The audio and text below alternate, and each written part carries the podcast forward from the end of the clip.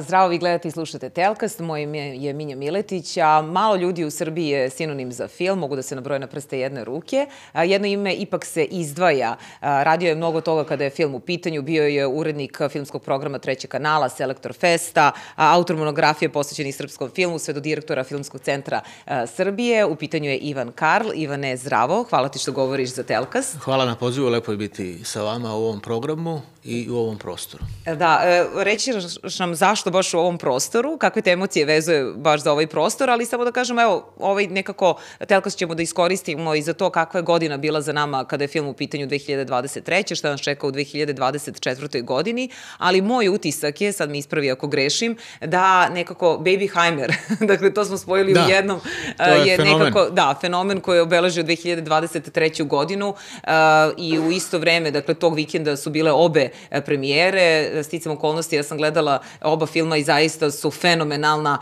svako na svoj način. Sada, kako si ti doživeo ceo taj hajp oko, oko tih filmova? Pa, i, najbitnije je da, da jedan film nije uništio ovaj drugi. Kad se pojave dva velika filma, do duše potpuno različita, ali komercijalno jako potencijalna, ovaj, e, dobro je da su oba e, dobro prošla. E, Barbie je fenomen koji je na neki način spasao studio Warner Bros. Evo, posljednjih dana se priča o eventualnoj fuziji Warnera i Paramounta, to su dva velika majorsa, dešava se globalno nešto što je ukrupnjavanje tržišta. Veliki gutaju manje od sebe da bi bili kadri da se nose jedni sa drugima u konkurenciji ovih platformi i, i selitbe filma sa televizije i delimično bioskopa na platforme, na, na uređaje, na televizore. I ovaj, e, da nije bilo filma Barbie, ja mislim da bi Warner bio mnogo teže situaciji u tim pregovorima sa, sa Paramountom. Oni su imali niz e, skupih promašaja, naročito u DC Comics filmovima. To su filmovi koji koštaju 200-300 miliona, a kad zarade e, isto toliko to nije ni pola uloženog, pošto se odbijaju sve oni troškovi koji idu uz distribuciju, marketing i prikazivače. E, tako da je Barbie odradio ogroman posao, preko milijardu dolara je zaradio. To je film za publiku koja možda nije toliko česta u bioskopima, a sa sobom nosi i ono što je merchandising i, uh, i u korist tog filma su radile decenije i decenije i decenije prodaja tih lutaka i mm. čitava toga da. sortimana. Kad se setim, imala je. sam gomilu I to onda generacije, to su lutaka. gledale generacije, da. znači to su generacije devojčica, žena, majki, sestara koji su gledale to i svako je imao neki svoj poriv da pogleda taj film i zato je tolika i, zarada. Oppenheimer je svakako najveći film uh, Kristofera Nolana, To je svakako najveći film ove godine, hollywoodski film i prilika da se pojavi film koji će ispraviti delimično nepravdu akademije prema Nolanu. On ima čitav niz uspešnih filmova, ali nema niz Oscara za te filmove. I sad se pojavio film koji bi trebao sva je prilika da će imati one najvažnije e, nominacije, ali e, pošto te, taj broj nominacija automatski ne znači broj Oscara, ali ovde mislim da će se desiti ovaj, da će on pokupiti one najvažnije Aha. Oscare i bilo, bilo bi iznenađenje da on ne dobije za najbolji film ili za režiju. Režiju, da, da. Čak i za, ne samo za glavnog glumca Kilijana mm -hmm. Murphy-a, nego i za Roberta Downey Jr. koji je čini mi se ostvari ulogu karijere, jako epizodnu, ali je bara bar glavnom, glavnom glumcu i treba bi da, da Nolan pokupi one najvažnije Oscare.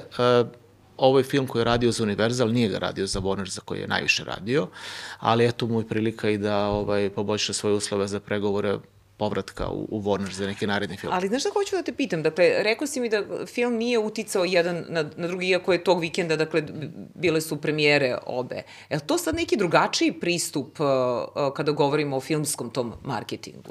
Pa ima mnogo filmova. Ima mnogo filmova uh, uh, uh, i to svuda, i na televiziji, i na platformama, i u bioskopima.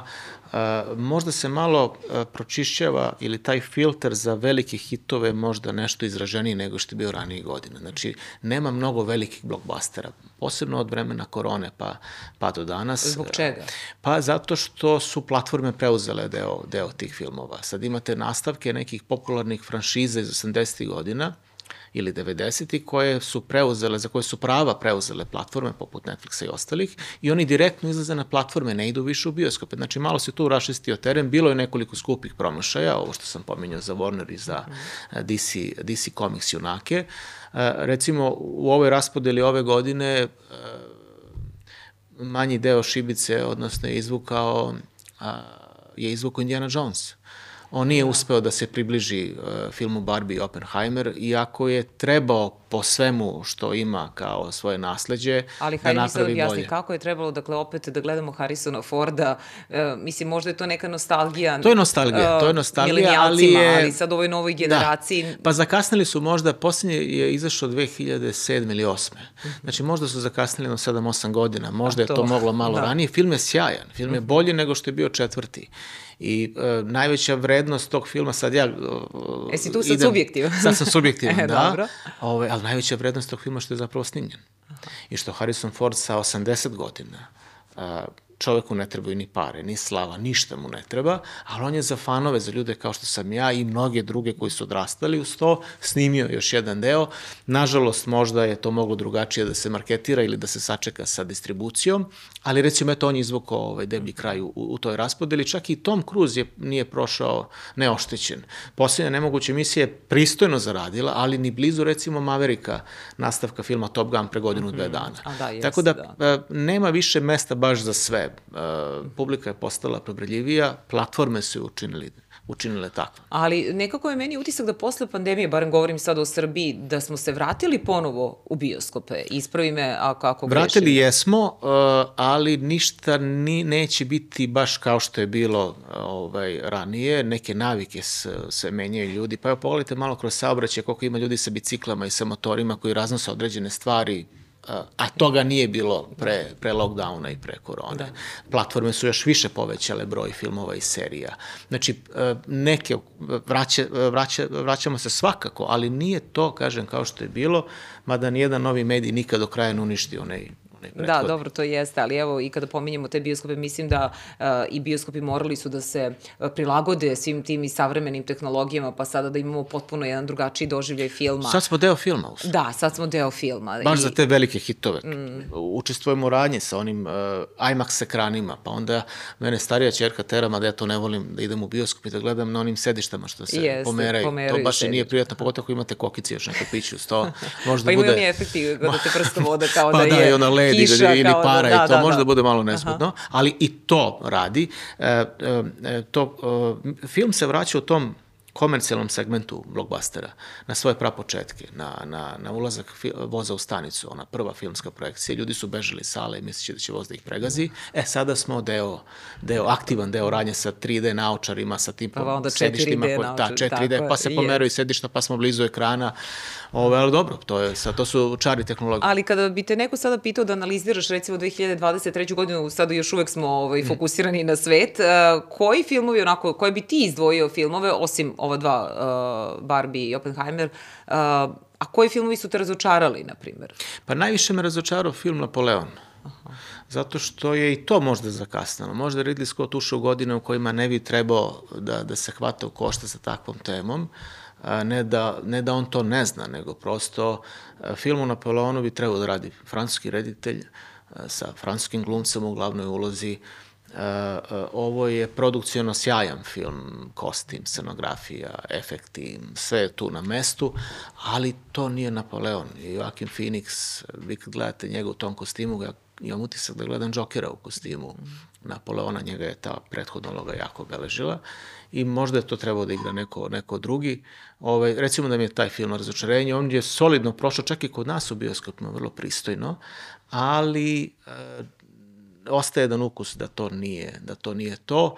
Možda je Ridley Scott mogo drugačije da, da, da izabere glavnu, glavnu ulogu. E, znaš šta hoću da te pitam, s obzirom da ovde i u podcastu sa, sa mojim gostima uvek pričamo o toj, toj savremenoj tehnologiji, mm. kako utiče na, na život i rad i pričala sam i sa nekim tvojim kolegama, rediteljima pa i glumcima uh, iz perspektive filma, dakle kako utiču te savremene tehnologije kada je gluma u pitanju, kada je režija u pitanju. Zanima me koliko su savremene tehnologije nekako tvoju perspektivu uh, i, i percepciju kada govorimo o toj cijeloj filmskoj industriji promenile. Da li drugačije gledaš da, možda na... Ja nisam na mnogo srećan. Ja film. kažem za sebe da sam analogni ovaj, tip, ono, 80. godine. Ja kad pokažem svojoj deci VHS kasetu, to je za njih nezamislivo. Kako to uopšte funkcioniše. A to je vreme pre čak i kompjutera ili kompjutera u nekim prapočecima. Uh, jedan od razloga za, ovo, za ovaj masovni štrajk u Hollywoodu je bio isto upliv novih tehnologija. Um, mogućnost da se... scenaristima. I scenaristi i drugi. Znači i veštačka inteligencija kod Dobro. pisanja i mogućnost korišćenja likova i pravljenja digitalnih likova. Od mhm. nekih glumaca koji možda se s time ne bi, ne bi ovaj, saglasili. To pitanje dokle ide ta veštačka inteligencija. Ona može neke stvari da olakša, ali možda može u nekoj budućnosti koja čak mislim nije toliko daleko, mada bi volao da je daleko, da nam se desi scenariju koji smo gledali na filmovima, poput Terminatora 2, Stvarno veruješ u to? A ja, a dakle, što ne bi verovali? Postoje e, upravo to, to te dve škole mišljenja. To, to neki je, su baš za veštačku inteligenciju, da će vam to poboljšati život i rad, a neki razmišljaju upravo na ovaj način. Pa nisam ti. siguran, to je Kubrick otvorio Odiseju u svemiru sa onim robotom koji postaje svestan sebe. To je malo drugačije razradio James Cameron u Terminatoru. Ali mislim da ako nešto preti čovečanstvu u budućnosti, planeti čitavoj, to je možda... E, imali smo koronu pre dve, tri godine kao jedan, nešto što je zaustavilo svet. Možda spoj e, ili to su možda glavni izazovi za svet, pored ovih ratova koji se dešavaju, ali oni se dešavaju od kad je sveta i veka, uvek je bilo ratova, nažalost, možda čovečanstvo još nije došlo na, na, na tu civilizacijsku razinu da ratom ne rešava probleme, ali možda je neka velika pretnja u budućnosti veštačka inteligencija, i virusi, odnosno, ovaj, a možda čak da jedno uzrokuje drugo. O tome treba vojiti računa, mislim da treba je dozirati, kao i mhm. svaku stvar. Tako da i veštačka inteligencija trebala bi negde da ima da postoji neka kočnica dokle god mi možemo kao čovečanstvo da držimo tu kočnicu. E, I sad kada si pomenuo i taj e, štrajk, pa i scenarista, nekako e, ka, gost mi je bio i Gaga Antonijević, pa i on rekao da ovde kod nas, pogotovo u Srbiji, kriza e, i, i e, scenarista i da nekako tu treba više da, da radimo tamo u Hollywoodu, postoji prva ruka, druga ruka, treća ruka, kod nas to da, kod je nas drugačije. Da, to drugačije zato što e, se dešava često i da nekad i reditelji pišu tekst i onda možda e, do kraja nisu objektivni prema tekstu koji su napisali, a koji kasnije režiraju. Ja kad sam bio na akademiji e, i studirao produkciju, ja sam smatrao da mi kad radimo one studentske filmove, a to su vežbe na prvoj, drugoj, trećoj i četvrtoj godini fakulteta i da sve katedre rade zajedno, e, tada sam predlagao da bi bilo lepo da mi kao studenti produkcije produciramo, da studenti režije režiraju, ali da koristimo tekstove studenta, kolega sa dramaturgije. Ovaj, ali nije bio uvek, uvek uh, to slučaj. Naravno da to ne znači da reditelji ne treba da pišu, treba da pišu, ima veliki broj filmova gde su reditelji, autori, scenaristi, da je to sjajno. Ali možda treba malo dati više podrške dramaturzima, odnosno ljudima kojima je to i škola, i da i oni više pišu. E sad, dolazimo do jednog drugog problema, to je uh, inspiracija. Dokle možemo da idemo u inspiraciji za, za ili da li su možda najbolji filmovi već snimljeni i scenariji napisani. Uh, I kad pogledate hollywoodske filmove unazad dosta godina, ne možete da pobegnete od toga da je to već negde, Bilo, negde ste da, to negde gledali. Videli, kad, da. kad je bio film Joker koji je sjajan, ali zar to ne liči malo na taksistu i na neke filmove Martina Scorsese i neke motive njegove ili čak film Kralj komedije u kome zato i De Niro igra u tom filmu jer igra u Kralju komedije. Znači, e, pitanje je dokle možemo da idemo u novim originalnim idejama, a da se ne sudarimo sa nečim što smo već negde A može tu veštačka inteligencija da nam pa, pomogne, pa, recimo? Da tek Ili tu može da nam stvori problem da, da se da baš može? smanjuje kreativnost, jer se možda ćemo se u budućnosti oslanjati previše recimo na veštačku inteligenciju, pa onda komuniciramo sa veštačkom inteligencijom pa da nam ona izabere temu koja bi dobro prošla kod, kod publike, kakav film bi dobro prošao uh, kod publike. Dakle, Ona da li se tu... bazira na, veštačka inteligencija se bazira na raznim modelima mm -hmm. rešenja i uzorcima, to ne mora uvek da bude tačno. Ja bih volao da, da, te, da to pisanje, te ideje dolazi iz čovekove glave, uh, i da egzekucija svega toga ide isto, da, da, jer nisam pristalica korišćenja, preternog korišćenja specijalnih efekata. Meni je to smetalo i ranije kada gledam film u kome vidim da su delovi scenografije, da nisu ljudskom rukom napravljeni. Uh, uh, nego da je to digitalizovano, da je sve onaj takozvani zeleni, zeleno platno iza, pa onda kompjuterski dodati efekti. To postaje animirani da film. Pa može, čak može, zaista može svako to da vidi sada, zato što da. ima uverljivih naravno primjera. Recimo kada je George Lucas 90. godina krajem 90-ih uradio onu prikvel trilogiju Ratova zvezda. Mm -hmm. Fantomska pretnja, Napad klonova i mislim da je Osveta Sita bio treći, znači 99. 2002. 2005. I ja sam pogledao to i meni je to bilo grozno. On je ceo film uradio ispred plave ili zelene pozadine. Znači, kako su izvorne, izvorna trilogija imala, to su zaista bili filmski setovi, to su scenografi, pokojni John Barry je to radio, znači to je urađeno, sve što ste videli u filmu je bilo ili u prirodnoj veličini scenografije ili vrlo je efikasna i efektna maketa to je zamenio kompjuter. Znači, mm. ja volim da vidim film u kome je zaista sve ljudskom rukom napravljeno. Ne volim digitalne glumce po toj varijanti i uh, ako se u tom pravcu nastavi, gledat ćemo Blanku 2 sa Henry Bogartom no. ovaj, u glavnoj ulozi. da, ali... A to ne bi bilo dobro. Ne bi bilo dobro, definitivno. Ali čini mi se, utisak mi je da, da, da polako i, i, i pada ta ljubav prema superherojima. I, i... Mnogo ih je. Mnogo ih je, da. Mnogo ih je. Treba na kašikicu. Recimo, 80. godina je bilo tih filmova za celu, za celu deceniju. Bio je Superman prvi, drugi, treći, Super devojka i pojavio se Batman 89. I To je otprilike bilo to. Nešto više ih je bilo 2000-ih, sada sa ekspanzijom i ulaskom studija u merchandising i mogućnost da se prodaju igračke, da se prave e, majice, sve ovo što ide u široku potrošnju, tematski parkovi i tako dalje, oni su mas, maksimalno hranili da otvaraju arhive svojih e, kompanija koje se bavi izdavanjem stripova, Warner kad je reč o DC Comicsu i Marvel koji ima Spider-mana i sve ostale unake i onda koji god junak postoji, oni ga ekranizuju ili prave te ensemble uh, filmove sa svim junacima zajedno. Tu je do duše Marvel mnogo uspešniji od DC Comicsa i oni su radili ove Avengerse koji su zarađivali po milijardu dve ko od šale svaki, svaki nastavak. Warner je krahirao jer Warner pra, praktično ono prva dva Batmana Tima Bartona i onoga što je Nolan radio ove trilogije i Jokera, da računam prva dva Supermana koji su klasici, oni nisu uspeli da urade adekvatan superherojski film. Marvel jeste, ali u tom uh, u tom množenju tih filmova, publika se malo zasitila. Evo sada je otvorio Aquaman, drugi deo, to je Warnerov film, vrlo, vrlo skromno. Znači, treba opet malo kočnica da se povuče i da se onda to malo, malo više dozira. Pa i Quentin Tarantino je rekao da je velika, veliki problem marvelizacija Hollywooda. Jeste i ti veliki ensemble filmovi i ja, ja sam pokušao da gledam jedan od tih Avengers filmova i IMAX, naočare, sve sjajno, ali ja, ja kad se završio film, ja ne znam šta sam gledao. Ja se ne sjećam šta sam gledao. Čak imam i kod nemoguće misije, taj problem ima ih nekoliko, ovo je sad bila, mislim, sedma ili osma, sedma. E, e, upamtio sam radnju prva dva dana.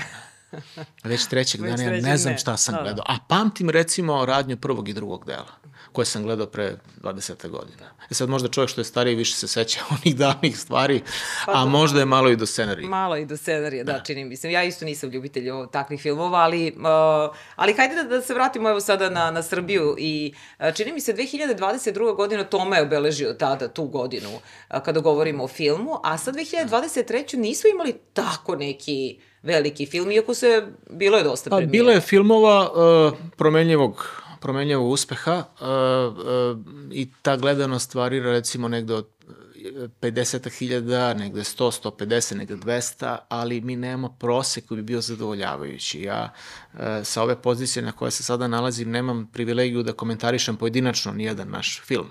Trebam da stvorim uslove uz vladu Republike Srbije i Ministarstvo kulture i čitav tim centra da se ti filmovi snimaju, da ih bude što je moguće više da budu, što je moguće bolje, mada je to ipak i do autora, nije do, do onih koji raspodeljuju sredstva za te filmove. Ali bi možda trebali da negde stremimo da, da u proseku uh, srpski film na našoj teritoriji dođe do nekih 100.000 gledalaca gore je, dole, da, da, da to bude prosek, bit će filmova koji će imati manje, bit će filmova koji će imati 200, 300, 500, daj Bože da, da bude takvih. E, filmovi kao što je Toma ili kao što je nekad bila Zona Zamfirova ili Tesna koža su fenomeni.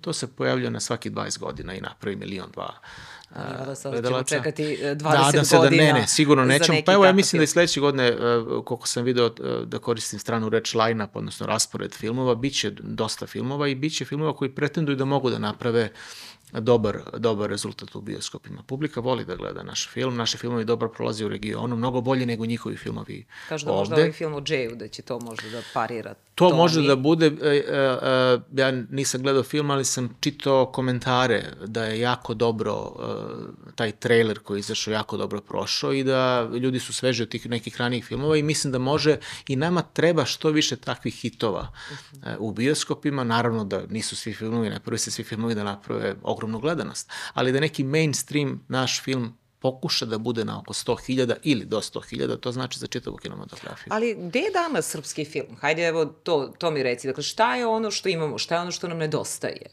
Nama, mi imamo uh, uh, sve, ono što je najbitnije to imamo, to su preduslovi. Država ulaže ozbiljno velika sredstva u kinematografiju, u sve aspekte kinematografije, znači ne, ne podržavaju se samo igrani filmovi, nego i na, filmovi sa nacionalnom temom, dečiji filmovi, debitanski filmovi. Znači, e, e, preduslovi postoje. Prikazivačka mreža se širi, imate dosta bioskopa i ovih lanaca multipleksa koji su ušli po Srbiji, koji imaju dvorane u svim većim našim gradovima po zemlji. E, animiraju se, država ulaže u digitalizaciju domova kulture i e, uvođenje digitalne opreme u, u čitav niz bioskopa koji su izvan domaše ovih velikih lanaca. Znači, e, postoje sredstva, postoji prikazivačka mreža koja će i dalje da raste i vraćam se na ono što sam rekao, treba sad malo i do autora da bude, da i oni ovaj, e, vide koju vrstu filmova treba da rade. Ono što je činjenica, mi smo najveće uspehe u svetu sa našim filmom pravili kada su to bile originalne ideje, kada smo ličili na sebe. Tada smo imali veliku prođu i uspehe na stranim festivalima. Kada se pokušava da se pravi film po nekom kalupu nekog inostranog festivala ili nečega što je već viđeno ili u regionu ili u Evropi, ne mora da znači, to ne mora da znači da je loš pristup, ali ne mora da znači da će uspeh biti da će biti zagarantovan. Uh, Telekom je potpisao saradnju sa Amazonom. Uh, sada onako kao, kao, kao stručnjak, koliko će to značiti to za je našu velika stvar, to je, to je industriju? možda jedna od najvažnijih vesti uh, prošle godine. Svakako, ne samo za, za, za čitavu industriju, čitavu kinematografiju, zato što to otvara vidljivost. I ta serija koju Telekom radi da će učestvovati naši ljudi, i glumci i ispred i iza kamera i, i neke naše lokacije, to vam je svetska vidljivost e, i uh, za kinematografiju i za, i za Telekom i to otvara vrata za nove projekte. Ako ta serija, a uspeće, jer ekipu koju vidite koja to radi, to je svetski ozbiljna ekipa, kad ta serija napravi rezultat, eto onda i Telekomu i Srbiji još nekoliko serija tog tipa i mi onda postajemo zaista uh, u, u svetskim okvirima relevantni igrači. Tako da to po meni možda i događaj uh, godine kad je reč o, o našem istupu na na svetsko tržište. Da, i kada pričamo o serijama, uh, čini mi se nekako zaista snima se dosta. Uh, serije kao što je i uh, Deca zla, zatim Znam kako dišeš, ne, onako dobro su prošli. Po, serije se snimaju zato što su serije preuzele ono što je nekad bio repertoarski film. Taj repertoarski film, te priče koje su nekad činile repertoarski film su prešle na televiziju, na TV seriju. Drugo, televizija, TV serija je konfornija za rad. Imate 10, 12, 16, 20 epizoda, negde i više, negde i manje. Ali možete i da se igrate s tim likovima, možete više priče da ispričate. Drugo, uh, vi kad snimite film, prvo, snimanje filma traje neko vreme i onda ulazak u bioskop ne garantuje automatski da ćete istići do onog broja gledalaca koje vi želite da, da imate. A serija kad je dobro programirana i kad je kvalitetno urađena, a ja ne znam ni za jednu lošu seriju da je urađena unazad uh, uh, ovih godina kod da. nas, i kad je u dobrom terminu, ona donosi gledanost, ona donosi rating i emiteru, i donosi prihod i onome koje, ovaj, uh, koje je proizveo. Znači, to je win-win za sve. I čak imamo situaciju da u isto vreme, kad se emituju premjerne serije, i na televiziji sa nacionalnom frekvencijom, i na najgledanijem kablovskom kanalu kod nas, Superstaru. I jedna i druga dobro prolaze. Znači, vraćam se na onaj primer uh, filma Barbie i Oppenheimer, jedno ne potire drugo. Znači, oba dve serije uh, prave visoke rezultate. Znači da postoji, da se razvilo tržište za da. E, tu granu industrije. Mm. Ali uh, stalno slušamo kako je Srbija prepuna talentovanog filmskog kadra, recimo. Uh, dolaze zaista stranci uh, i uh, ovde da, da, da snimaju filmove. Uh, vidimo da jedna Hrvatska je napravila zaista onako i popularizovala još više Dubrovnika gde se snimao Game of Thrones. Dobro, splet okolnosti zato što je njima scenografski to trebalo. Pa za, dobro, da. da Ali možemo mi tako nešto da, da, pa mi to, da napravimo? Pa evo, ovaj primer saradnje sa Amazonom je korak u tom pravcu. Možda i najznačajniji. Drugo, e, dolazi dosta ekipa koje e, kod nas, e, da se pružaju tehničke usluge koje snimaju filmove, dolaze neke velike zvezde, snimaju ovde. Ja često kažem, jedan zadovoljni glumac, reditelj, producent koji je otišao iz Srbije nazad, Dobro. sutra dovodi bar još dva, tri nova koji će doći kod nas. Potrebno je malo i vreme, ali vi kad pogledate, svi rade sve mm -hmm, Vi ne možete da. naći slobodnu ekipu za snimanje filmova To sam čula, da, da, da to da postoji nema, uopšte, znači, da su svi zaostali, ne samo glumci, nego i reditelji i svi ne, ne, sve, svi, filmski radnici. Ja mislim da industrija nikad nije bilo poslenija nego što je posljednjih nekoliko godina. Tu je najviše odradio uh, Telekom, uh, nešto u nekoj meri i RTS, uh, i naravno ima stranih ekipa, ima i filmova, ali realno uh, da se radi, radi se, da se snima. Snima se gde ima kvantiteta, ovaj, pojavljuje se kvaliteta, mi već sad imamo okolnost da je veliki broj serija koji izašao među njima ima dosta brendova. Znači serija koje su se primile kod gledalaca, čija svaka nova sezona je gledanija od prethodne, znači da je tržište potpuno to prihvatilo i da je razrađeno. Sada kada bi tebe neko pitao kakve serije nam fale ili kakva tematika nam fali, šta, pa ja, bi, šta bi rekao? Ja, e, ja mislim da smo manje više sve što je moglo u žarovskom smislu da, da su naše serije otišle čak i šire i više nego naši filmovi. Dobro, ima ih dosta. Tako da ja sam pristalica da kad je serija uspešna i kada se sezona i sezone napreduje, da se to treba nastaviti dokle god je naravno moguće da se piše da, da bude adekvatno. Tako da ja volao nastavak nekih serija. Kao na primjer? A, Pa i, ima ih, da sad ne nabrajam pa, dosta, ali ovaj... Pa meni fali malo neke romantike, malo neke, neke ljubavne drame, ne, nešto tako da vidim. Pa e, možda jedna, možda bi trebala jedna porodično građanska serija, e, ali od 50, 60, 70 epizoda. Donekle je to, mada nije skroz, Tajna vinove loze, recimo, je ozbiljan uspeh. To je serija uh, koja je pokazala da može istovremeno, a posle su mnoge druge potvrdile da može istovremeno i nacionalna televizija i kablovski kanal da budu i da niko ne bude oštećen. E, a po broju epizoda to je nekih 60-70 možda jače epizoda. Znači, ono što je nekad bio bolji život Pa dobro mi bolji život. Ja volim e, onaj film moj, što ja obožavam te naše nešto. stare filmove. Jedan od mojih omiljenih nije lako sa muškarcima. Da, to je Milana Dravić, Milana Dravić sa, sa čerkama na moru. Jeste, to je da. sjajno. Miša Vukobratović režira. Ja bih volao takav neki film da. ili seriju zapravo da, Za film, da vidim. Ajde, ne, film ne mora teško, film. Teško, tada nije bilo mnogo serija i onda su filmovi bili, mm. čak su i neki filmovi rađeni po principu serija, ala ove lude godine i pa je bilo deset nastavka svake godine po jedan, neka čak i u godinu dana i dva. A, ali možda jedna lepa porodična građanska serija, ove, jer smo sve ostalo zaista s, e, sa serijama istražili i uglavnom je sve to bilo jako, jako uspešno. Nešto e, kao što je bio bolji život s kraja 80. i početak 90. A i tu je bilo neki pokušaj, čini mi se, da se napravi, uh, bilo je srećni ljudi, naprimjer, to srećni je ljudi bilo... su više, uh, kod Pavićevih serija, Siniša Pavić je najveći srpski jugoslovenski televizijski pisac. Čovjek koji je napisao ne samo najveće, velike, uspešne serije, on je pisao istorijske drame, što malo ljudi obraća pažnju, on je radio odlazak ratnika, povratak Mašala, Banjicu, Posljednji čin, to su sve vrhunske, vrhunske mini serije sa, koje je režirao Sava Mrmak i to je rađeno tada na televiziji po uzoru na, na ono što je BBC radio sa igranom produkcijom tog tipa. Uh, ostale serije, mislim, svaka od njegovih serija, to je radio Miša Vukobratović i Predrag Perišić. Pa, dobro, ali... Nažalost, sjajna serija, ali samo 12 epizoda. Aha, e. Mislim da su bila dva ciklusa ukupno, 12 ili 14 epizoda, nije bilo mnogo epizoda, nije, nije, se, nije, nije bila ta Ovaj, Ali dan danas se reprizira, recimo. Reprizira se i lepo, ta lepo prolazi. Lepo Uvijek će lepo prolaziti. Ali znaš šta mi je fenomen? Evo, kako to objašnjaš? Za svaku novu godinu. Dakle, već ono znamo šta će biti Dobro. na, na televiziji, a to su Žikina dinastija, Tesna koža, Varljivo leto, to ne su, znam, to su, a, Zona Zamfirova, Kao što je u naše vreme, slava. kad smo mi bili mlađi, u naše vreme za svaku novu godinu bio Superman. Aha, dobro. Ali... 80. godina, prvi, drugi, treći deo. Ovo, uh, ima još, uh, još primjera, recimo, kad je reč o stranim filmima za novu godinu, samo kući. Uvek. Jest. Prvi, drugi, treći tako deo. Je, tako je. I to rade ovi neki drugi kablovski kanali. Onda imate primer za za, za Božić. Uh, Actually uh, Love. Tako, Love Actually, da. Da, Uvek ide u tako, ljubav. To, da, je prosto, uh, jest. to su ono obligatorni, znači obavezni filmovi.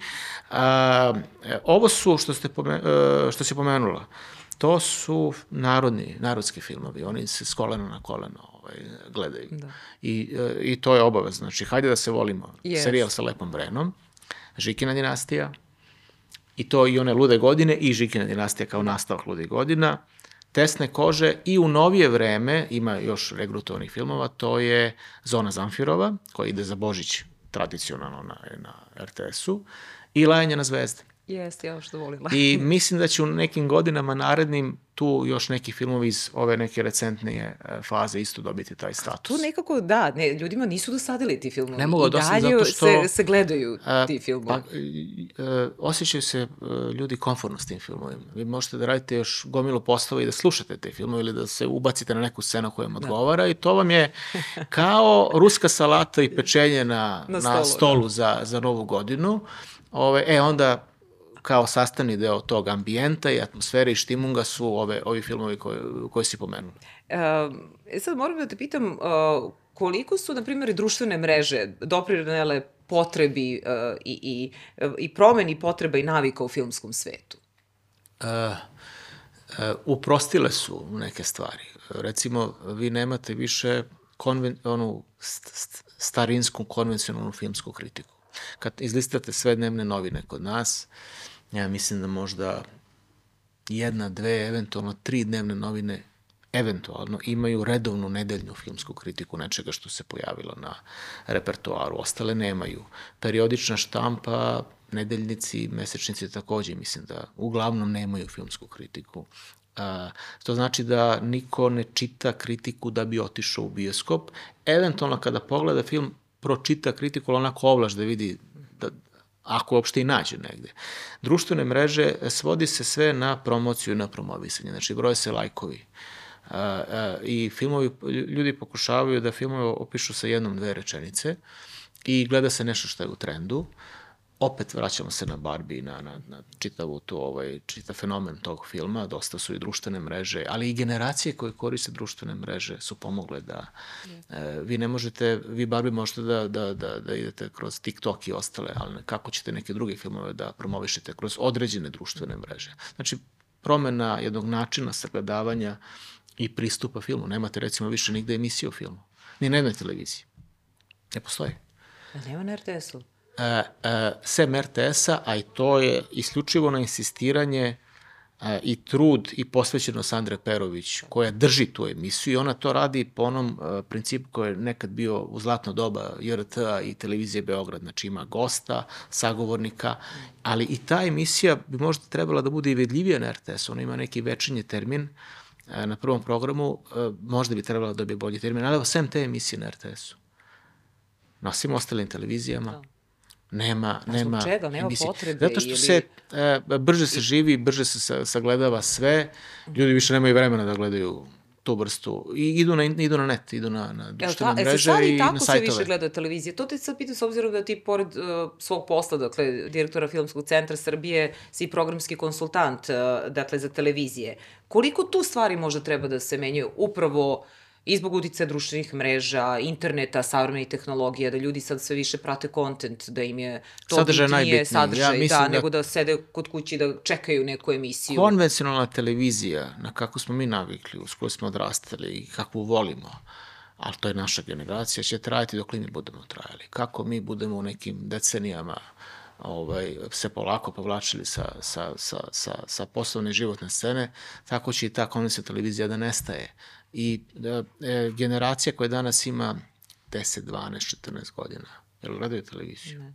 Ili imaju naviku da gledaju nešto na televiziji, čak i stariji od njih. Ja sam jedno vreme čak i predavao studentima a, druge godine i treće a, i predmet se zvao televizijsko programiranje. Ja sam bio zaprepašten koliko oni zapravo ne gledaju televiziju. Nemaju naviku gledati. To, to govorimo o znači, 21-22 godine.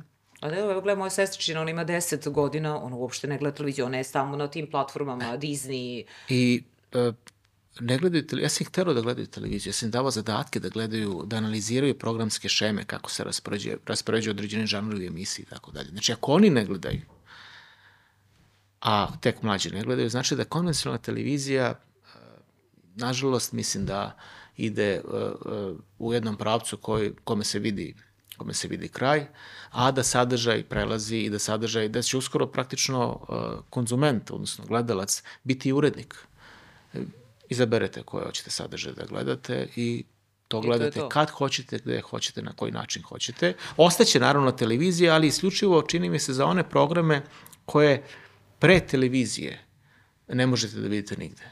Znači, to je direktan prenos nekog velikog sportskog događaja, informativni program, neki muzički događaj, znači ono što je direktan prenos i eventualno još dokle ova, kaže, generacija koju mi pripadamo, ovaj, e, neki premijerni domaći program igrani e, koji iz određenog razloga nije dostupan već na nekoj na nekoj Dobro, platformi. Dobro, sad si me obradovao kad si rekao informativni program. Ne, mora, mora. Pa, ne, ne, svakako da će opstati zato što su to stubovi uh, televizije. Ali kažem, kako vreme bude odmicalo, ide sve na platforme. Na televiziji? Dakle, da li vidiš da se televizije menjaju baš pod pritiskom pa menjaju se, uh, digitala? Menjaju se zato što se neki žanrovi na televizijama isto nestaju. Uh, nema mnogo više filmova na konvencionalnim televizijama. Ima nešto na RTS-u, E, sada nabrajam ostale televizije, filmovi su uglavnom predbacili na kablovske kanale, na specializovane kanale. Recimo nekad u vreme bivše Jugoslavije i RTA vi ste godišnje e, imali možda 500 filmova ukupno na svim programima cele, cele Jugoslavije, od Slovenije do Makedonije. Vi danas imate toliko filmova samo na kablovskim kanalima kod nas, dnevno, kad saberete sve. Ima 15 filmskih kanala, možda jače, pa puta 10-15 filmova na njima, to je otprilike ta brojka dnevno. Znači, na, na, na ozbiljnim, ne ozbiljnim, nego na konvencionalnim televizijama film polako, ali sigurno nestaje. Šta ostaje? Ostaje ono što ide direktno i što je uživo. I ono što je isključivo format koji ta televizija ljubomorna čuva, a onda ga druge kopiraju. I onda ako imate jedan uspešan kviz na jednoj televiziji, garantovano se pojavljuju derivati tog kviza na ostalim televizijama, vrlo ovaj, često u istom terminu. To je tako kao kada na ulici imate jednu dobru pekaru i onda pored nje otvore još tri pekare isto, računajući da će da preuzmu deo mušterija ove prve. Ali dobro, tako i sa, uh, i sa digitalom i sa tim medijima. Dakle, kad vidite jednu vest u jednom mediju, sigurno ćete tu istu vest naći i Bitno u, je gde je vidite prvo. Aha, to je bitno. To je najvažnije. Znači, ta, onaj ko prvi objavi... A od čega to zavisi? O, zavisi toga kako je plasira, ko je, da, uh -huh. ko je plasira i kako je plasira. Ima dosta i lažnih vesti, ima dosta spinova, ima svega i svačega. -huh. Bitno je da informacija bude vredostojna i da one koje je prvi objavio, onda svi ostali se naslanjuju na, na, na, taj, na taj prvi uh -huh. izbor. Ima, ima kod nas umivenih televizija, ima dobrih televizija. Jeste, kao što je Euronews. Da Euronews svakako, to sam, uzela, uzela si reći iz usta, to je jedna umivena, pristojna a, televizija dobrih boja, elokventnih ljudi, poštovanja sagovornika, mere između uh, autora, voditelja i gosta. Uh, ja vrlo često uključim Euronews, zašto znam da se ništa neće pojaviti. Što bi recimo moju mlađu čerku možda koja prolazi, uh, bio je bilo ovaj, sporno. Znači, to je jedna, jedan primer jedne pristojne, ovaj, umivene, kvalitetne televizije. Ali, ne znači da će da bude gledan. E, to se sad... Ali, bitno, ali bitno da postoji. Pa dobro, bitno je da bitno postoji. Da, postoji. da, ja se slažem. Jer ne, kako ćete vi da trčite trku sa uh, zabavni program sa realityjem. Nemoguće. A zašto su ljudi gladni tog senzacionalizma kojeg inače ima toliko? Pa zato što su po prirodi ljudi znatiželjni. I onda vole da vire u ovaj, tuđe dvorište, a kad im date to dvorište na ekran i ne jedno, dva, nego njih 20 u nekom prostoru, od kojih neki prepoznaju iz nekih, ne znam, da li od muzike ili nekih već poslova kojima se bave, onda to postaje, postaje interesantno. I uh, tu trku, nažalost, a to je uh, zakon tržišta, ali tu trku naravno da televizije drugačijeg tipa ne, i ne trebaju da trče, ali trebaju da postoje. Da, uh, i, i evo sad kada si malo pre pominjao filmove koji sada se prikazuju na platformama i, i uh, na kablovskim televizijama, ali hoću ti kažem koliko se sve to promenilo. Uh, Kanski festival je bio jedno vreme branio filmove koji nisu prikazivani u bioskopima, koji su Jest. samo prikazivani na, na platformama. Ali sad imamo Indiana Jonesa to... na otvaranju. Da, da. Uh, tržište. Kanski festival je uh, najveći uh, market na svetu. Uh -huh. I Kanski festival nije samo Croazeta i oni programi u glavnoj konkurenciji Zlatna palma i već ostalo. Kanski festival je i marše de film i prodaja filmova u čitavom, čitavom svetu i čitav onaj glamur, paparaci, fotografije i sve ostalo što, što ide uz to. Uh, on mora da ima jednu vrstu kohabitacije sa Hollywoodom, jer kad se pojavi Harrison Ford na otvaranju Kanskog festivala i predstavi Indijanu Jonesa, što je mene bilo divno, ovaj, čitav sve će to preneti. Da. I ljudi pamte da je on otvorio uh, Kanski festival, a evo, sada pitamo ko je pobedio u Kanu prošle godine, Malo Osim da je znao. francuski film, da. ovaj, pitanje ko bi se sjetio. Isto važi i za Oscare. To je sad show program, to je direktan prenos koji, koji, kome padaju rejtinzi, pa moraju uvijek nešto da smisle, ali evo, ko je dobio Oscara pre godinu, dve dana, ko će da se seti vreme Ali kakve su tvoje menja. prognoze za Oscar za Pa 2020? evo, Op- Oppenheimer, ja mislim da dobro. bi zaista bila, da bi bilo iznenađenje da on ne dobije one glavne, glavne Oscare. A da se vratimo na festivale, znači Cannes, Venecija, oni moraju da imaju najbolje moguće odnose sa Hollywoodom. Čak i kad se analizira e, niz filmova koje proteklih godina dobio Oscare, što god ja mislio o njima, većina tih filmova je prikazana u Veneciji. Tek ne, mnogo manje u, u Kanu. Znači, to su velike platforme. Berlin je svesno izabrao drugačiji, drugačiji put, iako je spada u tu veliku četvorku, četvrti je festival u Torontu. Znači, ti festivali će opstati, ali e, neminovno moraju da budu, moraju da budu otvoreni za saradnju sa, sa Hollywoodom i sa onim što je e, poslovni deo e, filmske industrije. Uh, stiže nam nastavak filma Joker u 2024. Da li je bio potreban? Pazi, meni je stvarno taj, Mislim, taj film je bio fenomenalan. Sad ali ne znam šta kao- može kao da se jedan. desi. Da, kao, kao jedan. jedan. On se logično završio, Jest. uh, ali uh, kada napravite film, a to je radio uh, reditelj uh, onog uh, komičnog serijala Mamurluk, uh -huh. uh, da pokaže gledala, da može da, da. uradi nešto ozbiljno, sem one lake komedije, ali sjajne komedije, ali jednostavna komedija. Ovaj, uh, oni su uložili, ja mislim da je taj film koštao 50-60 miliona. Možda nešto jače. Zaradio je milijardu. To pričaš o prvom delu? O prvom o Jokeru. Da, aha. Znači, izazov koji vi imate kad zaradite toliko para, da, da to ponovite, ko može da odoli tom izazovu, znači ogromne su pare u pitanju, oni će sad sigurno ložiti više, pa neka zarade pola od onoga što je zaradio prvi, oni su opet napravili finansijski sjajan posao. Da li je to e, e, da li to čini dobro tom, tim likovima, odnosno tom filmu, to je diskutabilno. Ako bi se tako gledalo, dobar deo nastavika nikad ne bi bio ni, ni snimljen. Evo Ali... Kum, na primjer, čuveni film, mislim. Kum 2, da, Da. ali ajmo da vidimo Kuma 3. da. Da li je Kum 3, recimo, kada Kum 3 je e, mnogo kasno nastao. Da je Coppola e, krajem 70-ih snimio Kuma 3, znači dovoljno blizu onom prvom i drugom delu, e, i sa Robertom Divalom i još nekim glumcima, to bi vjerojatno bilo mnogo, mnogo bolje. Ovako, Kum 3 je izašao 90. ili 91. Znači, dosta, dosta godina nakon drugog dela. I kada vi taj film posmatrate, gledao sam ga naravno, ovaj, izdvojeno. To je vrlo pristojan film, korektan. Da. Onog momenta kada ste svesni nastavak, da gledate nastavak prvog i drugog, e, tu taj film upada u veliki problem. E, A- to bojim se da će možda biti Ti sa sa Jokerom. Jokerom, da. A šta ćemo još gledati u 2024. Pa bit će gomila isto ovih nekih komercijalnih filmova nastavaka. Uh, sad uh, vagaju, uh, treba da počne se snima novi Superman, to, sam, to znam. Uh, još nisu odlučili ko će igrati i šta će da rade sa Jamesom Bondom, znači te velike, velike franšize. Indija, ovaj, E, ali Indiana da, Jones, nemoguća Indiana misija, Jones. nemoguća Da. misija izlazi sledeće godine, nastavak, osmi Dobro. deo, Tom Cruise. Znači, bit će tih velikih uh, komercijalnih filmova i možda između njih neko, neko lepo iznenađenje. Evo, Scorsese je prošle godine izbacio film koji ja još uvek ne mogu da gledam, mislim, ne mogu da gledam u bioskopu, jer da idem da gledam nešto što, što traje 3 sata i 20 minuta, a nije Kum 2, ne mogu da Ne idem. može, Ne, da. deću da idem u bioskop, sačekat ću. Pa dobro, i Oppenheimer nekoj- traje isto skoro tri sata. Ali bolji film. A, bolji to startu film, znam da. da je bolje, ovo sam čitao. I čini mi se da su i tu produžili. Sad u bioskope kad kad gledaš filmove, to sad traje ispod sat i po ne postoji film. To je sad sve po dva sata Pa, i, i više. To nekad ima Smisla, da. smisla a, a nekad je prosto preterivanje. Možda je bolje da urade miniseriju od, mm. od dve ili tri, četiri epizode pa da stave na platformu. A što se tiče naših srpskih filmova za 2024. Ja znam za, za Džeja, eto tu znam e, biće premijeru, ih, ali biće ne ih, nas očekuje sad na nivou centra nešto što smo, gospodin Lekić, koji je predsjednik upravnog odbora i ja nazvali da, e, da sledeće godine bude konsolidacija e, naše kinematografije. Naime, e, jedan ne mali broj filmova ničijom krivicom, spletom okolnosti, je došao u situaciju da još uvek stoji. A to su filmovi koji su rađeni, odnosno koji su pripremani od 2019. 20. 21. i tako dalje, iz razno raznih okolnosti.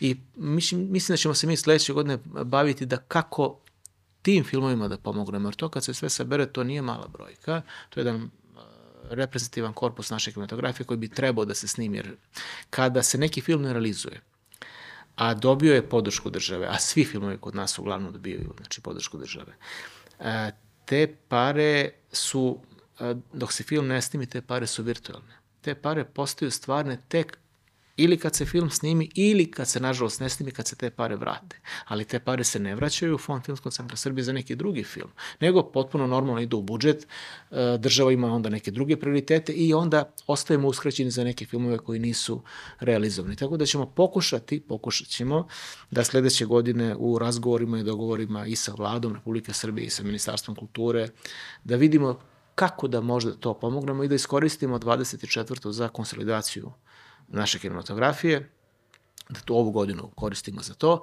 i da onda lepo od 25. malo onako ovaj, lakše uđemo u neke planove za dalje.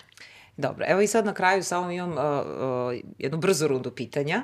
Uh, Tako da, evo, ti sada... A odgovori moraju da budu brzi ili pa imam brzi moraju da odgovori da budu, da. Omiljeni Bond? E, to je teško pitanje. Omiljeni Bond mi je Roger Moore, zato što sam uz njega odrastao, a najbolji Bond je Timothy Dalton. Dobro. Omiljeni reditelj? Uf, još teže pitanje. Ali ajde, Steven Spielberg, uh, ma ne, ne, ne može da bude jedan. Ali ajde, nek bude prvi Steven Spielberg, zato što nema nijedan loš film. Dobro. Uh, omiljeni... Ali ima ih mnogo. Ima ih mnogo, dobro. Omiljeni soundtrack u filmu?